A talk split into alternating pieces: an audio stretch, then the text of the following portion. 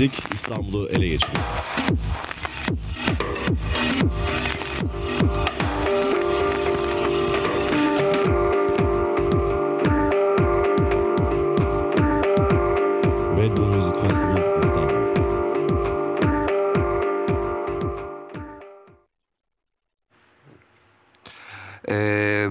Red Bull Müzik Festival İstanbul'un radyo yayınına hoş geldiniz tekrar. Ben Yetkin Nural, akaretlerde bulunan Red Bull House of Music'ten e, yayınımız devam ediyor. Ve şimdi konuğumuz memleketin e, müzik medyası başta olmak üzere aslında dergicilik sektöründe pek çok önemli işe imza atmış e, bir medya duayeni demek istiyorum ben aslında. Tolga Akyıldız karşımızda. Hoş geldiniz.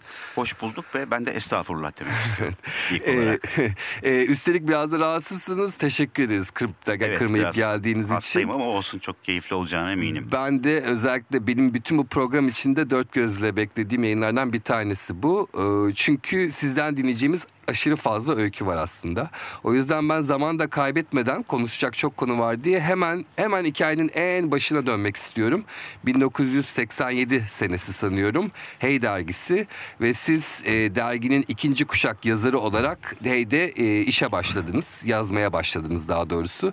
E, ben o dönemi kaçırdım. E, ben Blue Jean'le itibaren varım ama o yüzden o dönemi biraz sizden dinlesek. Çünkü pek çok e, röportajınızda da dile getiriyorsunuz. Hem sizin yaptığınız işlerde hem de genel olarak Türkiye'deki dergicilik, dergi yayıncılığı konusunda Hey'in dönüştürücü etkisi çok ve önemli. Biraz dinleyelim. Hey nasıl bir dergiydi? Size nasıl etkileri oldu? Dergiciliğe nasıl etkileri oldu sizce? Aslında tam ikinci kuşak da demek doğru mu diye siz konuşurken e, aklıma geldi. Çünkü 70'lerin başında çıkmış bir, Doğru. bir dergi. Ben 87'de girmişim. E, girme yaşım 13-14 falan oluyor. Tabii. Ee, o da tabii baba mesleği ve hani e, bir çömezlik dönemi gibi görebilirsiniz. Ya ben 87 oranın önemli bir yazarı falan değildim.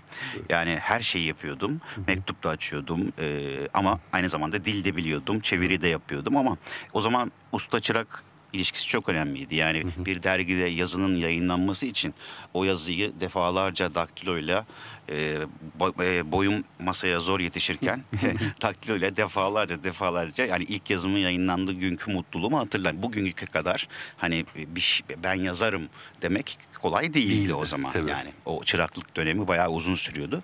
Ama tabii iyi ki uzun sürmüş ki o tedrisatın tabii çok e, kıymetli olduğunu zaman geçince anlıyorsunuz orada ustaları öğrendiklerinizi. Mesela aynı dönemde olan e, sevgili ben medyada çok tanınan e, Kanat Atkaya var. Tabii. Hey dergisinde birlikte çalıştığım abim. O zamanki abim. Sonra da çalışmaya devam ettiniz Birlikte, beraber. tabii, bir- birlikte çok çalıştık yani. E, O hikayenin içinde hep kanat var yani benim hikayemin. Ee, Hey dergisi yani benim dönemimden önce e, biraz daha böyle e, bugünün magazinine benzemeyen bir müzik magazini yapan bir dergi aslında. E, ama gerçekten magazin haberciliği, müzik üzerinden magazin haberciliği yapan bir dergi. E, ama işte atıyorum e, listeler e, çok önemli. Türkiye müzik listeleri. Mesela o zaman e, radyoların e, akışlarını bilmek çok önemliydi. Kasetlere kayıtlar yapılırdı çünkü hani o play, pause tuşu falan hani rek mek hikayeleri. O yüzden mesela hani radyolarla çok iyi ilişki kurup radyoların e, listelerinde e, hangi programda işte ne çalınacak falan onların bilgisini veren- vermek çok önemliydi. Çok özel röportajlar yapan bir dergiydi. E, yani gazetecilik, müzik gazeteciliği aslında bence oydu. Yani ondan sonra müzik gazeteciliğin ben herkesin kendi e, beğendiği şeyleri yazması durumuna dönüştü yani. Zamanla, Zaman iç- içinde ben öyle görüyorum en azından. E, He- yani Hey dergisinin e, başka e, kıymetleri tabii yetiştirdiği e, gazeteciler e, hepsi bizim gibi yani benim gibi müzikle alakalı kalmadı. Çok önemli e, yerlere yani medyada gelen insanlar da var yani aralarında. E, başka ne söyleyebilirim? Yani hmm, 80 yani o ba- 70'ler döneminde bahsettiğim müzik magazini işi 80'lerde birazcık daha Alman Bravo dergisinin de etkisiyle e, daha böyle gerçek bir hani müzik dergisi içinde yabancı müzik de olan, e, Türkçe müzik de olan ama hani daha böyle hani bildiğimiz anlamda bugün çağdaş anlamda bildiğimiz müzik dergiciliğine dönüştü. E, Bravo ile etkileşimi çok fazlaydı. E, ilginç bir dönemdi çünkü hani pikaj montaj dönemi hani bilgisayarla falan yapılmıyor hiçbir şey. E, yani bir harf bir, hani, bil- hani anlatmak çok zor. e, Şu anda şu anki insanların nesillere. anlaması çok zor. Evet. Yani bilgisayar olmadığı için e, daktilo ile yazılan yazı e, bir e, pikaj kartonunun üzerine elle harf harf başlığı bilmem nesi yapıştırılıyor. E, e, mumla onlar yapıştırılıyor. Baskı öyle gidiyor. Ama bir harf düşüyor. Yanlış çıkıyor. Çıkıyor, Yani yapacak. öyle bir dönemden bahsediyoruz. E, ben o pikaj montaj servislerinin arasında çok koşturdum o çömezlik döneminde abilerin yani işte o kartonlar aman bir düşmesin üzerinden Dikkat. sayfanın dikkat falan. Yani onların kıymetini bilirim. Yani nasıl anlatayım? E, tabii işte çok öğrenci yetiştirdi. Bunlardan da bir tanesi ben olduğum için çok mutluyum. O bahsettiğiniz ilk dönemde e, rahmetli babam da işte oradan çıkıp sonra işte medyada e, çeşitli e, konumlarda yer almış. Hürriyet'te haber müdürlüğü yapmış. işte Interstar'da haber müdürlüğü yapmış filan. E, yani anlatmaya çalıştığım babam değil. Yetiştirici e, özelliği Hey dergisine. E, ondan sonra e, Hey dergisinin e, mecburen avlu atma sebebi de işte e, Blue Jean'in e, kuruluşu, Kuruluşu. aslında. Yani e, ben 87'de ben aslında 86'da e, oradaydım. geçtiniz. Hey'de çalıştım. İşte Blue Jean'de e, 87'de e, Çıktı. Evet. çıktı. İlk sayısı. E, işte Hey Girl'ün doğuşuna e, sebep olması var e, bir yandan e, Hey'in. Çünkü e, Bravo ile çok ilişkili demiştim ya. Bravo da Bravo Girl yaptığı için. Çıkarmıştı. Evet. İşte ben o, o dönemde Hey Girl'ün de kurucuları arasında yer aldım. Zaten yavaş yavaş artık Blue Jean'le baş edemeyen Hey e, bir adını doldurdu. Aylık aylığa döndü yok oldu. Hey Girl o gün bugündür devam, ediyor. Evet. Ee, yani biraz önce de bahsettiniz aslında bütün bu konuşmalarda tabii ee, ana çerçeveyi oluşturan bir durum var ve ben de tam o geçiş kuşağındanım. Yani o kuşağa yakaladım internet öncesi dönem ve sonrası dönem. Ben şunu hatırlıyorum ee, lisedeyken ee, şimdi internet yok tabii bunu ee, şu andaki nesillerin anlaması her zaman biraz zor. Bizim için ee, yani Blue Jean e, kutsal kitaptı. Yani biz e, zaten bir şekilde dinlediğimiz radyolardan dediğiniz gibi kaset doldurarak, kaset çektirerek, alarak dinlediğimiz grupların, isimlerin, müzisyenlerin haklarındaki bilgileri bir tek o dergiden alabiliyorduk ve o dergide yazan yani sarsılmaz gerçekti. Ben mesela çok net hatırlıyorum. İşte e, o zaman her ne kadar çok dinlemediğim bir müzik olsa da bir şekilde hepimizin hayatına geldiği için işte Whitney Houston vardı, Bodyguard çıkmıştı. Öbür tarafta Mariah Carey vardı ve bu iki diva hep yarıştırılırdı ve Blue Jean'in bir sayısında da hani hangisinin sesi daha e, geniş oktavlı, hangisi daha iyi söylüyor diye ve bunun üzerinden biz e, karar verirdik. Evet Whitney daha e, geniş oktavlı ya da Mariah şöyle diye. E, şimdi tabii böyle bir şey kalmadı. İnsanlar bilgilerini pek çok yerden alıyorlar. E, ama e, size yani dönmek istiyorum ama Blue Jean'e gelmeden önce ufak Go'dan bir bahsetmek istiyorum. Tamam. Genç olmaktan. Çünkü e, benim düşüncemde yani böyle bir dönemde internet yokken insanlar bilgi yani az kaynaktan alırken o kaynağın kullandığı dil çok önemli bir hale geliyor. Ve e, Go bu dili dönüştüren dergilerden bir tanesi. Evet. E, nasıl dönüştürdü? Türkiye'de dublaj Türkçesi vardır. Dergilerde de dublaj Türkçesi görebilirsiniz zaman zaman. Hani konuşma dilinde asla yeri olmayan bir dille yazılabilir o yazılar eskiden.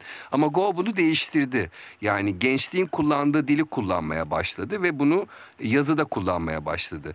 O dönemden de biraz bahsetsek yani Go e, sizin Jean'e geçmeden, yayın yönetmenliğine ön geçmeden önceki kısa süreli bir Evet. yayın. Ee, nasıldı o dönem? Nasıl başladı? Kimlerle başladı? Biraz Ya anlayalım. orada e, e, Interpress dönemi e, Go dergisinin temelinde aslında yani e, bence fikir olarak e, Kanat Atkaya'nın çok büyük payı var. Çünkü Kanat çok doğru bir ekibi bir araya getirdi. Dille ilgili de e, şunu söyleyebilirim. E, orada da Çağlan'ın aslında çok etkisi var. Çağlan Tekil. Evet. Çünkü e, Türkiye'de fanzincilik geleneğini e, e, başlatan Mondo Tıraşo'yla beraber Laneti Laneti kuran çıkartan, benim de bir son döneminde yazarlarından biri olduğum Laneti e, aslında lanetin dilinin etkisi de çok vardır. Go'da. Go'da. Çünkü bence lanetin dili bugünün internet diliydi. Evet. Yaklaşımı da öyleydi. Yani fanzin kafası zaten hani e, öyle çok daha rahat bir kafa. E, öyle olduğu için e, Go'nun dili çok farklılaştı. Zaten orada olan insanların da zihniyeti fanzincilikten e, o gel mesela Kanat da e, Maruz Müşkül adıyla o da yazılar yazan lanetin kurucularından biri Kanat'ta mesela. E, öyle baktığınız zaman o dilin oraya aksetmesi sonra da aldığımız genç yazarların da o dilden etkilenip o kafaya geçmesinin çok büyük etkisi var. Tabii o dil ve konulara bakışımız yani hiç ben o güne kadar tarih kitapları çöpe gerçek tarihi istiyoruz Mesela? diyen bir dergi olduğunu düşünmüyorum. Ya da Yılmaz, Yılmaz Güney filmleri niye yasak diyen işte ya politikadan da bahseden ama bunu da e, genç bir dille yapan yani hiç böyle e, tepeden bakmayan bir şey öğretmeye çalışmayan yani aslında o nabzı çok iyi yakalamasıydı sırrı. E, bizim olduğumuz ilk dönem yani bu bahsettiğim efsane dönem e, işte 5 sayı 6 sayı falan ondan sonra devam edildi. E, O yapanlar yapanlar da aslında bizim ekibin parçası ama herkes hani ilk 5 sayı çünkü 5-6 sayı galiba. Çünkü 5 Nisan krizi oldu. Evet. Dergi şu kadar olacak bilmem ne olacak filan dendi. Biz kabul etmedik bu kaliten ödün vermiyoruz. Biz ayrıldık. Bazı arkadaşlarımız da e, o haliyle devam ettiler. Ama biz de çaktırmadan dışarıdan desteğimize devam ettik yani. Yani biz ayrıldık ama hani aslında seviyorduk o çok. Biz, Prensipler geriye ayrıldınız ama Evet, desteğe aynen devam öyle, ettiniz. Aynen öyle. Ee, şöyle söyleyeyim yani Go hala bugün yani yolda beni Go'dan Tolga olarak da tanıyıp Duyduran yani var. Bir kuşak Blue Jean olarak hani böyle e, yolda çeviriyor falan. O siz, Tolga ben işte Evet. müzik sizle büyüdük falan diye. Ama Go'dan da tanıyan çok yani böyle. Tabii. O yüzden bizim için önemli bir dergidir. Çünkü o yani müzik dergiciliğinde ya da gençlik dergiciliğinde bence devrim yapmış bir dergi o. Ben de öyle düşünüyorum. Bir de yani çok aynı sattı zamanda gerçekten. evet ve 90 bin büyük de bir dergi, mesela. e, kalın bir dergi, büyük Aynen. bir dergi. Yani tekrar tekrar altını çizmek lazım. Yine internet öncesi dönemdeyiz. O büyüklükte yani her bir sayfanın layout'u yapılacak, tasarımı yapılacak, görseli bulunacak. Evet. Gerçekten büyük projeler bunlar. Hepsi prodüksiyondu. Yani Evet. hepsi için çekim yapılıyor. Hepsi için yani ayrı çaba, ayrı gösteriliyor. O hak- hak- hakikaten büyük emek. Yani gecemiz gündüzümüz zaten orada geçiyordu. Biz Tabii. ama çok mutluyduk. Tabii. Yani sabahlara kadar eğleniyorsun yani aslında bir yandan da. Evet. Yani aslında e, biraz hem çok emek isteyen dediğiniz gibi yani bu son ürünü, son sayıyı çıkartabilmek için gerçekten haftaların, sabahlamaların olduğu bir dönem. Ama bilmiyorum katılacak mısınız bana? Bir yandan da galiba dergiciliğin Türkiye özelinde özellikle bir altın dönemi. Çünkü gerçekten benzer düşünen, benzer şeylerden hoşlanan, muhabbet etmekten hoşlanan ekiplerin bir araya gelip yaptığı bir şey dergiler. Evet. O yüzden o sabahlamalar, e, Tabii, sabaha tabii. kadar tasarım üzerinden konuşmalar çok e, rahat e, ve keyifli geçiyor. Değil mi? Ben hayatta genel olarak şöyle düşünüyorum. Yani yani birine bu konuda tavsiye vermem gerekirse şöyle derim. Yani sevdiğin işi yaparsan e, ben zaten yapacaktım bir de üste para veriyorlar duygusu olur. Tabii. O dönem özet bizim için ya benim aslında bütün dergicilik hayatımı özetleyen ama ben yani hep para verilmese de yapacağım işleri yaptım yani hayatta. O yüzden çok mutluyum yani.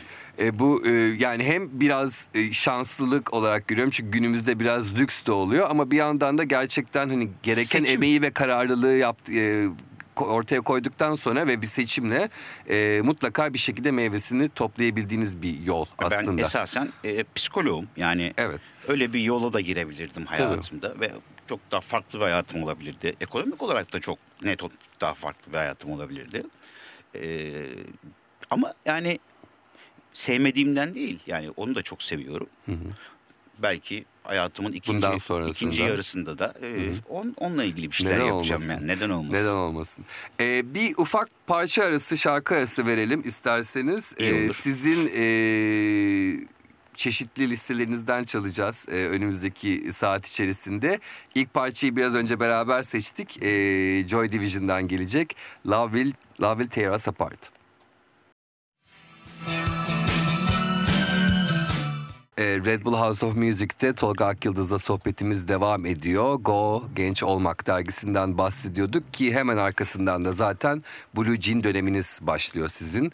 E, benim gençlik dönemim Blue Jean. E, yani e, sürekli aldığımız e, hiçbir hatta bazı sayılarını kesip kendi posterlerimizi yapmak için kullanmak için 2-3 kopya aldığımız bir dergiydi benim zamanımda. Ve dedim, demin de söylediğim gibi yani biz müzikle ilgili sevdiğimiz sevmediğimiz herkesin bütün haberlerini Oradan tek kaynağımızdı aslında.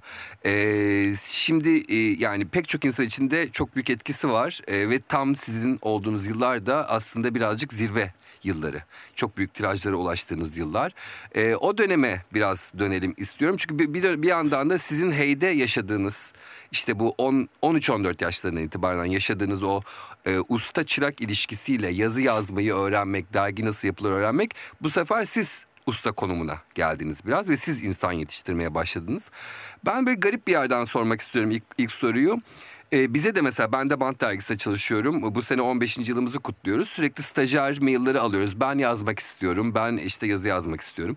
Ne öğretiyordunuz mesela yazarlara? Yani geldi yazısıyla genç bir gruptan çok hoşlanıyor. Yazmak istedi yazdı. Size de geldi okudunuz yazıyı. Nasıl dönüşler geri dönüşler veriyordunuz? Bugün hala veriyorsunuzdur büyük ihtimalle ki dersini öğrettiniz aslında bir noktada. O yüzden sizin o ustalığınızdan biraz e, inciler alalım. Estağfurullah diyeceğim yine. ya şöyle e,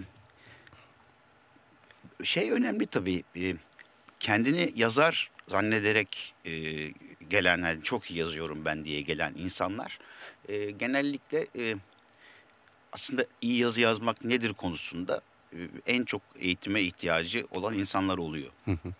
Ama nedense benim karşıma hep doğru insanlar çıktı. Mesela çok sevdiğim dostum Çetin Cem Yılmaz e, Blue Jean'de başladı. Yani e, ve yani biz uzun süre onunla mektuplaştık. Gerçekten mektuplaştık. Mektup. Sonra maile döndü falan.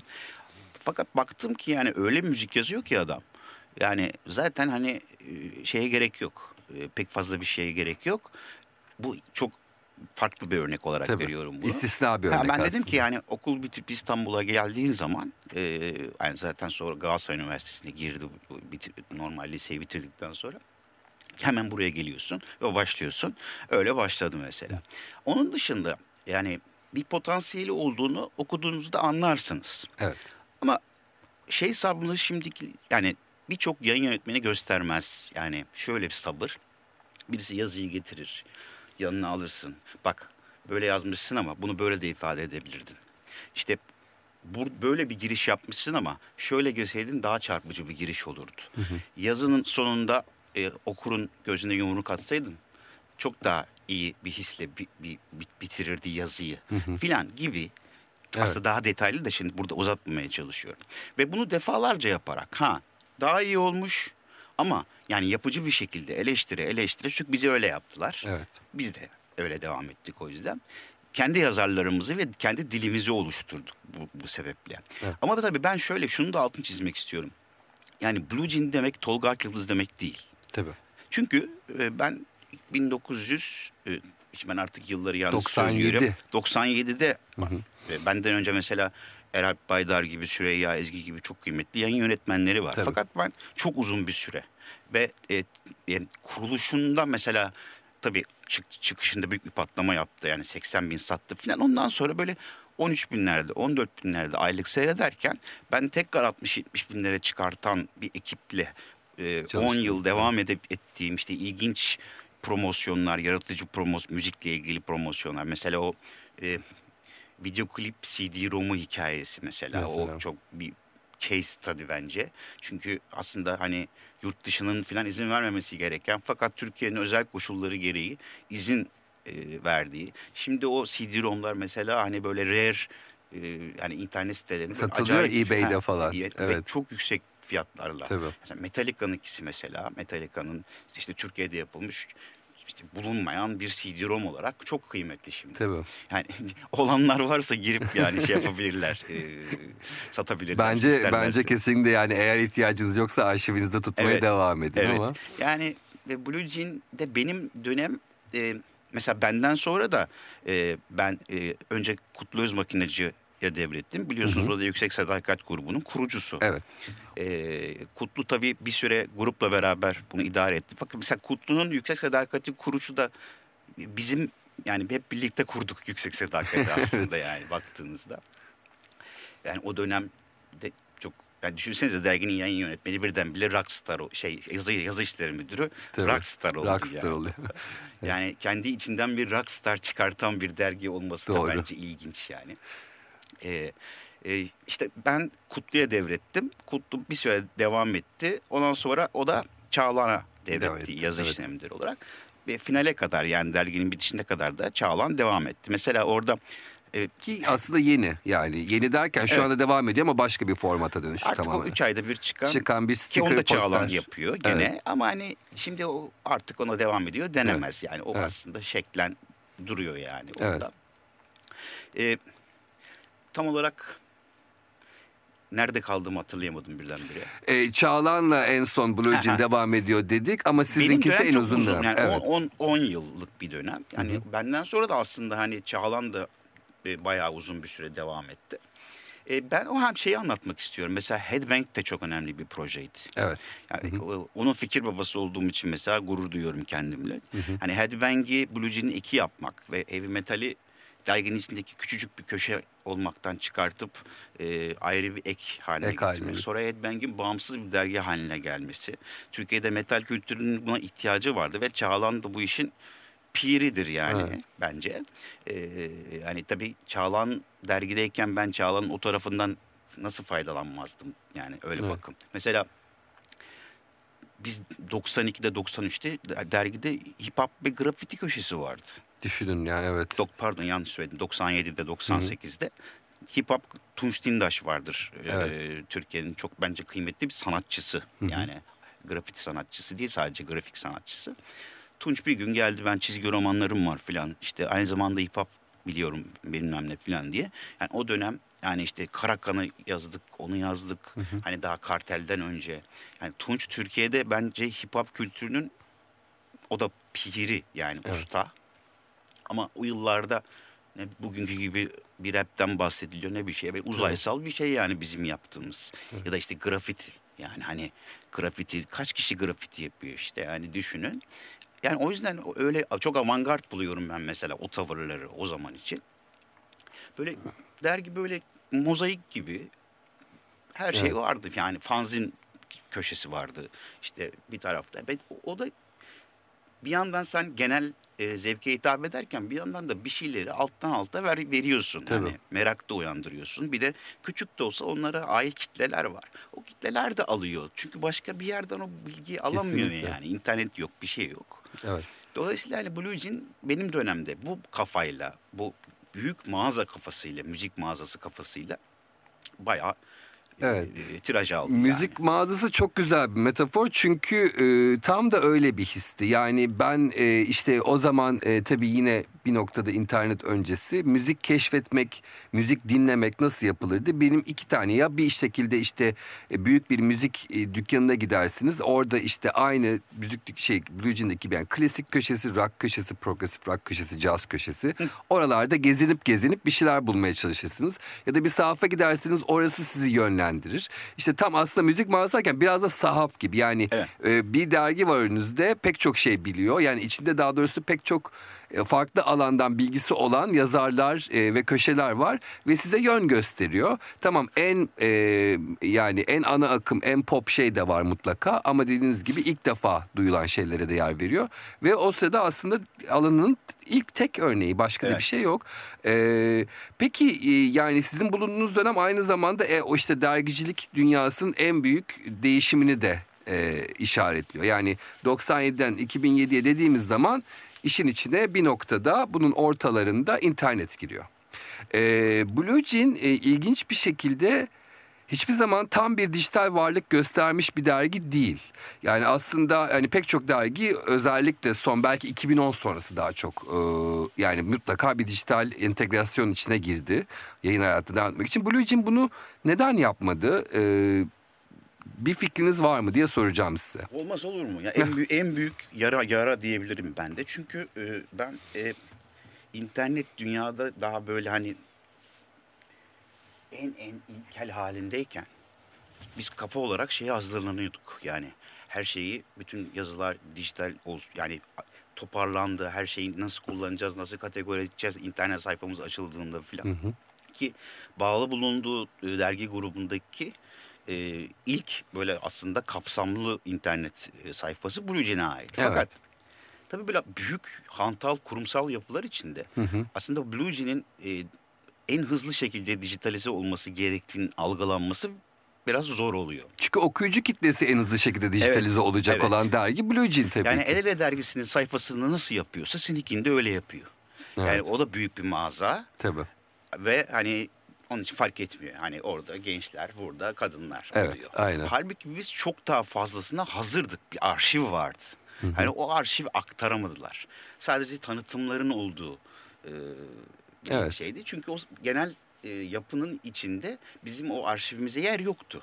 Evet. Bir fasat yaratılmış dijitalde ama ar- arkası doldurulamamış. Bence Blue Jean o dijital dönüşümü yani o vizyonla e, o büyük yapının o vizyonuyla o, o dönüşümü gerçek manada gerektiği gibi gerçekleştirebilmiş olsaydı bugün matbu olarak da hala satmaya devam edecekti. Çok da yüksek çünkü, satar.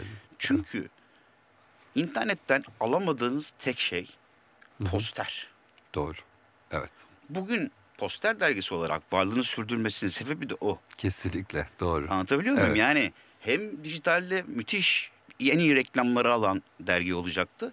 Hem de posterleri için satmaya devam edecek. Edecekti, Ben evet. bunu anlatmaya çalıştım.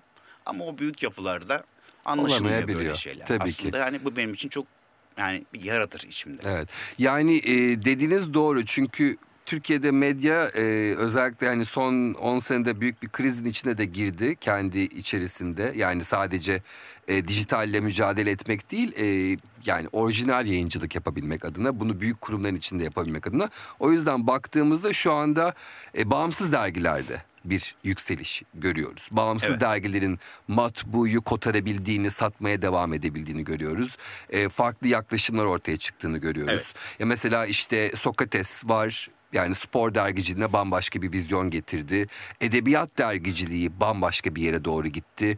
E, orada da mesela formatı, ya Türkiye'de en çok satan format neye benziyor? İşte büyük mizah dergileri, e, birinci hamur kağıda basılan. Evet. O formatı alıp edebiyata ünlü isimler. Bunlara dair fikrinizi de biraz sorayım. Çünkü yani medya ile her zaman ilgilendiniz ve biz işin müzik kısmını ve gençlik kısmını konuşuyoruz ama aslında yani Oto Show dergisinde de siz yayın direktörüydünüz mesela. Evet. O yüzden e, yani bütün bu konularda fikriniz olduğuna eminim. Evet. E, şimdi mesela bağımsız dergiciliğe Türkiye'de nasıl bakıyorsunuz? İşte Kafa, Ot, Bavul gibi dergilerin yüksek tirajlarına, Sokrates gibi dergilerine ben burada bir Bantmek çalışanı Tabii. olarak oturuyorum 15 seneyi devirdik bu sene gibi gibi. Nedir düşünceleriniz? Yani nasıl ayakta kalınıyor? Ne yüks yani nelere dikkat etmek gerekiyor şu anda dergicilikte? Valla artık ben tabii derginin matbu tarafıyla çok bir alakam kalmadı. Telefonumdaki bir uygula- uygulama üzerinden işime Okuyorsun. gelirse ba- bakıyorum. Hepsi Evet. elimin altında yani. Evet. Yerli yabancı. Zaten bu da sorunun bir başka açıdan Tabii. cevabı oluyor. Evet. Ee, alternatif yayıncılığa gelince yani mesela mizah dergileri bence e, bölünerek çoğalamadılar. O Evet. üzücü. İkincisi e, varlık sebepleri olan muhalif zihniyetten bir zenginlik doğdu. O da bakış açılarını değiştirdi. Bu da Tabii. bir sıkıntı. Genellemiyorum ama yani e, Genel, yani evet. yani aslında genelliyorum. Genelliyorsunuz Genelliyorum ama yani. tabii istisnaların İstisnaları, farkındayız evet, diyelim. evet. Evet. E, bu bahsettiğiniz türde e, çok yazarlı e, dergilerin de e, aslında biraz artık sömürü düzeyinde sayısının arttığını Çok düşünüyorum. fazla. Ama aralarında hala orijinalliğini koruyanları var. Hani burada merci olarak şunlar şunlar iyi, bunlar bunlar kötü diyecek Evet, değilim. evet. Ama hepsini ok- ok- okumaya çalışıyorum yani özellikle. Şimdi bantla ilgili zaten düşüncelerimi sen özelde biliyorsundur. Evet. Ee, yani hem Sevdiğinizi biliyoruz. hem sevdiğim hem de hani e, zamanında e, kurucusu olan sevgili kardeşlerimin e, Blue Jean'e bile katkıları olmuştur yani. Tabii, o kadar tabii. eskiden tanışıyoruz. Evet. Ee, onun dışında nasıl bakıyorum? Yani bugün artık zaten alternatif değilseniz bence Evet. hiçbir şeysiniz yani. Yani alternatif olmak e, e, eskiden böyle vay bir de burada böyle bir şey var bu da çok ilginç bir şeydi. Yani lanet dediğiniz dergi bile fotokopiyle 7000 tane satıyordu. İnanılmaz. Elle dağıtıyorduk ama temsilciliklerimiz vardı filan böyle hani işte Adana temsilcisi, işte ne temsilcisi. Hani İlginç bir detay hatırlıyorum. Yanlışsam siz beni düzeltin. Lanette yazıyordu değil mi? Hemen logonun yanında Türkiye'nin en az az satan, satan dergisi. Evet. Ee, ne bunu yani bu bu bile e, bunu bile yani çünkü şimdi böyle ironik bir e, yaklaşım şu an çok doğal gelebilir. Bunun yani ta kaç senesinde olduğunu hep hatırlamak gerekiyor. Tabii, böyle şeyler yoktu çünkü. çok eski. Ee, o da birebir bir, büyük gazetenin logosunun yanındaki Türkiye'nin en çok satan gazetesini evet. alıp onun üzerine dalga geçen Evet. şey. Aynen. Ee, bir de küçük bir şey daha söyleyeyim. Satanın e, bir çift anlamlılığı vardı orada yani. Aa, Şimdi evet doğru. Ya, Böyle düşünmemiştik tabii. Ee, devam edeceğiz. Ee, bir parça daha girelim. Çünkü sohbet çok tatlı. Fazla müzik çalmak istemiyorum ama aralarda bir es vermek iyi oluyor. tabii. Ee, biraz önce beraber seçtik. Ben sizi yine e, playlistinizde gördüm. Benim çok sevdiğim parçalardan bir tanesi. PJ Harvey ile Tom York beraber This Mess We're In.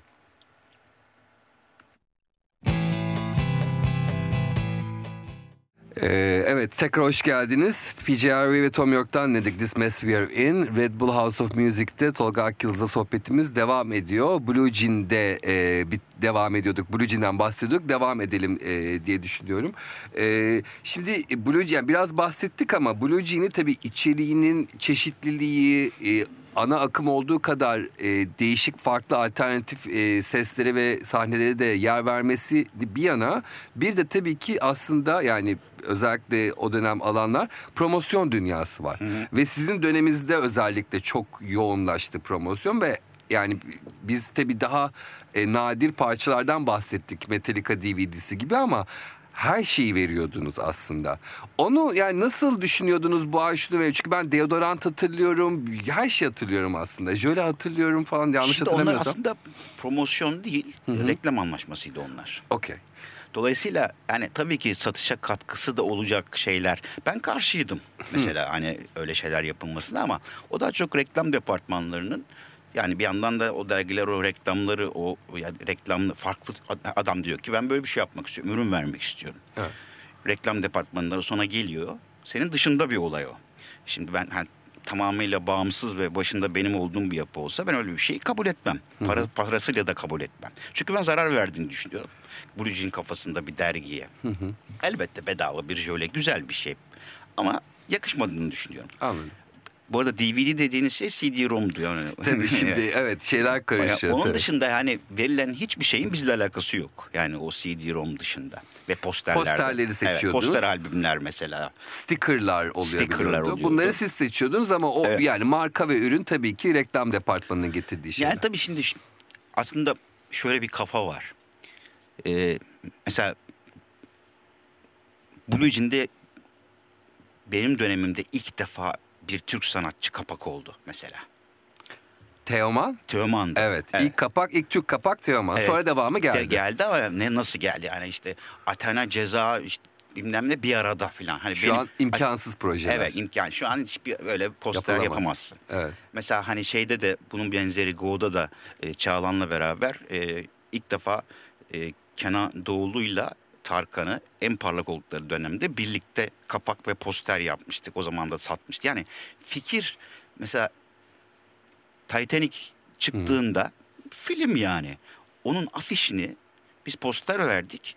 100 bin sattı dergi. İnanılmaz. inanılmaz. Ama yani hani Ama onun daha onu, patlayacağını görmek. Patlayacağını görmek Evet. yani Leonardo DiCaprio. Yani Evet. adam geliyor. Ondan sonra her Leonardo kapağında sattı.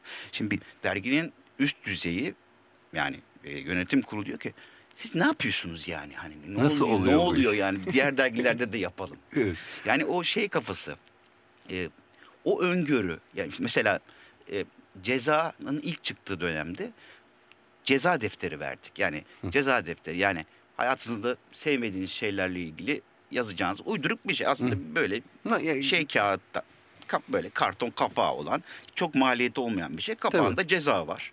Bizim ceza yani hani Evet. var. Hem ceza, ceza fan, fanları bayıldı fikre yani. Tabii. Gene acayip sattı. Yani Aynen. çok uf, aslında bunlar hani çok maliyetli fikirler değil asla ama e, çok ince görüşlerle şu anda neyin popüler olduğunu, neyin Evet. neyle ilgilendiğini insanların özellikle gençliğin ne, neyle ilgilendiğini anlamak ve tabii ki dönemine önemli şeyler. Gerçi yani bunu da söylüyorsunuz siz sık sık. Hani dönemler, nesiller değişse de internet, dijital çağ, dijital medya kopup gitse de poster, e, defter bunlar geçerliliğini yitirmiyorlar promosyon olarak özellikle. Yani e, mutlaka müzik yani kimin hayranıysa bir genç bir insan Evet. e, 14-15 yaşında onun e, böyle elinde tutabileceği bir posterini bir defterini gördüğü zaman onu almak istiyor değil mi? Yani daha fütüristik bakarsak yani daha akıllı evlerde belki gerek kalmayacak hani postere hani duvara yansıtacaksın yani filan ama hani Evet. daha o kadar ileriye bakmaya gerek yok yani. Tabii hani. aynen. Bir yandan o ilerisi de ne, ne olursa olsun bir ilk başta başlarsa üst sınıftan başlar zaten. Evet, evet, Ee, Yani onun orta sınıflara, alt sınıflara inmesi o çok uzun zaman Evet. gerçekten. Ee, peki Blue Jean'den e, sonra e, tabii siz e, yani 2007'ye kadar Blue Jean'de e, genel yayın yönetmenliği ve yayın direktörlüğünü devam ediyorsunuz. Bir yandan Hey Girl devam ediyor. Ee, onun dışında köşe yazarlığınız var. Ee, yani pek çok ana akım gazetede de yazıyorsunuz. Dergilerde de köşe yazarlığı yazıyorsunuz. Ve müzik her zaman yani en büyük odağınız olabilir ama her zaman tek odağınız diye bir şey asla yok. Ee, Hani- pek değil mi? Kadın dergilerinde yazdım çok. Evet. Yani hemen hemen bir dönem hemen hemen bütün kadın dergilerinde yazdım. Ki onlardan sonra işte bir, şey- bir e, kitap çıktı. Özür dilerim çok sevdim diye. Evet. Ee, ne söyleyebilirim? Yani e, şeyde yayın direktörlüğü döneminde de Blue Jean Hey Girl'ün dışında işte İstanbul Life, Max, Oto Oto Show, Show gibi beş, evet. beş tane dergi var farklı farklı alanlarda. Yani ben aslında tabii dergicilikte belirli bir dönemde e, bir kar- genç başlayıp genç yaşta e, de bıraktığım bir Evet. kariyer. Evet. Ama baktığınızda işte 20 yıl falan oluyor. Ne oluyor? 87, 2007. Yani matbu olarak baktığınız zaman. Evet.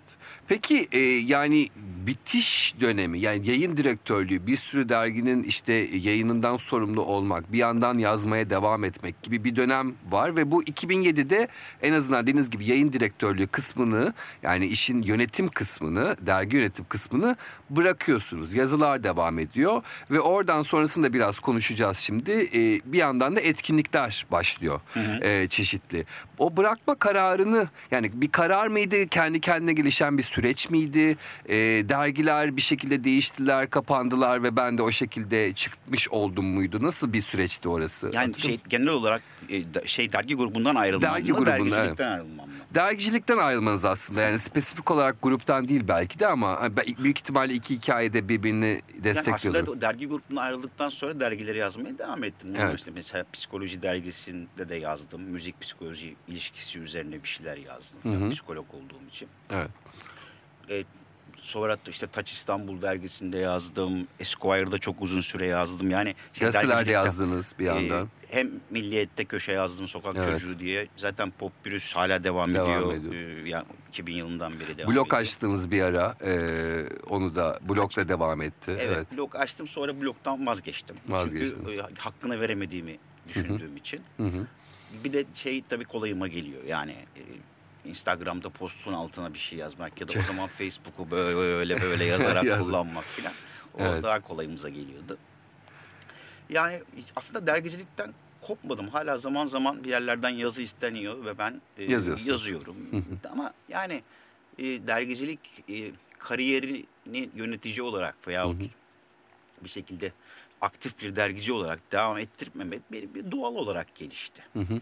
Yani süreç doğal gelişti. Ee, gazeteden de yani hiçbir zaman için kopmadım. Yani o yazar vit, vit, vitrindeki müzik yazarı duruşu e, hiçbir zaman değişmedi. Ama artık başka bir şeyler yapmam gerekiyor diye.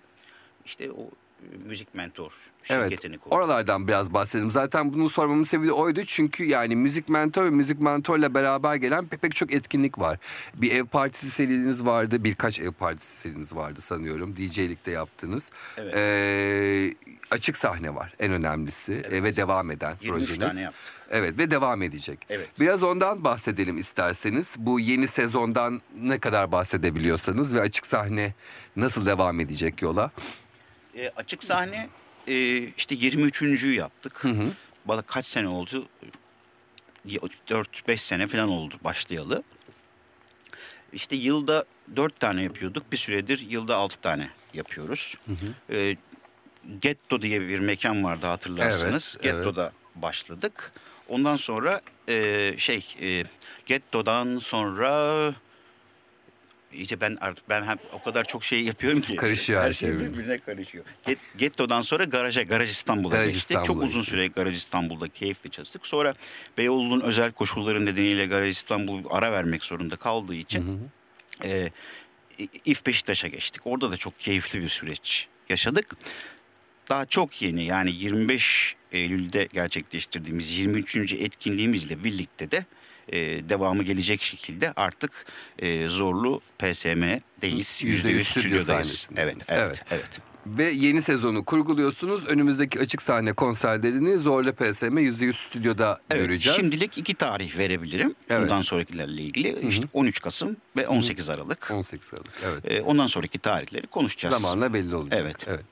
Ee, Nedir açık sahne onu söyleyeyim mi? tabii yani ben gayet Çıkışı. biliyorum sizden dinleyelim dinleyicilerimiz de öğrensin. Çıkışı yani çıkma sebebi e,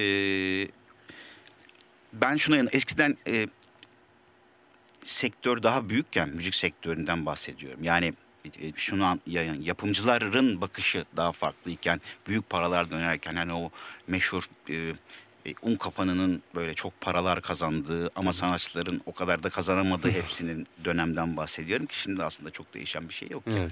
E, e, o o dönemde yani sanatçılar e, albüm çıkarttıkları zaman lansman geceleri yapılıyor böyle herkesler gidiyor filan sanatçı orada konser. O çok önemli bir şeydi sanatçının hayatında. Sonra o kayboldu. Özellikle genç alternatif sanatçılar için imkansız bir Evet. şey yani. Hani bir konsere çıkacak hani öyle büyük bir konser yapması zaten bir süreçten sonra Basın gelecek her yerde Ha. yazısı çıkacak ertesi Ha. gün falan. Ben bu fikirden yola çıkarak dedim ki ben böyle to- tamamen kişisel beğenimle yani newcomer yeni ge- gel- geliyor bunlar işte ileride bir şey olacak diye, de- diye demek istediğim kişileri topluca e, nasıl lanse ederim yani sunarım ve bunun formülünü nasıl geliştiririm?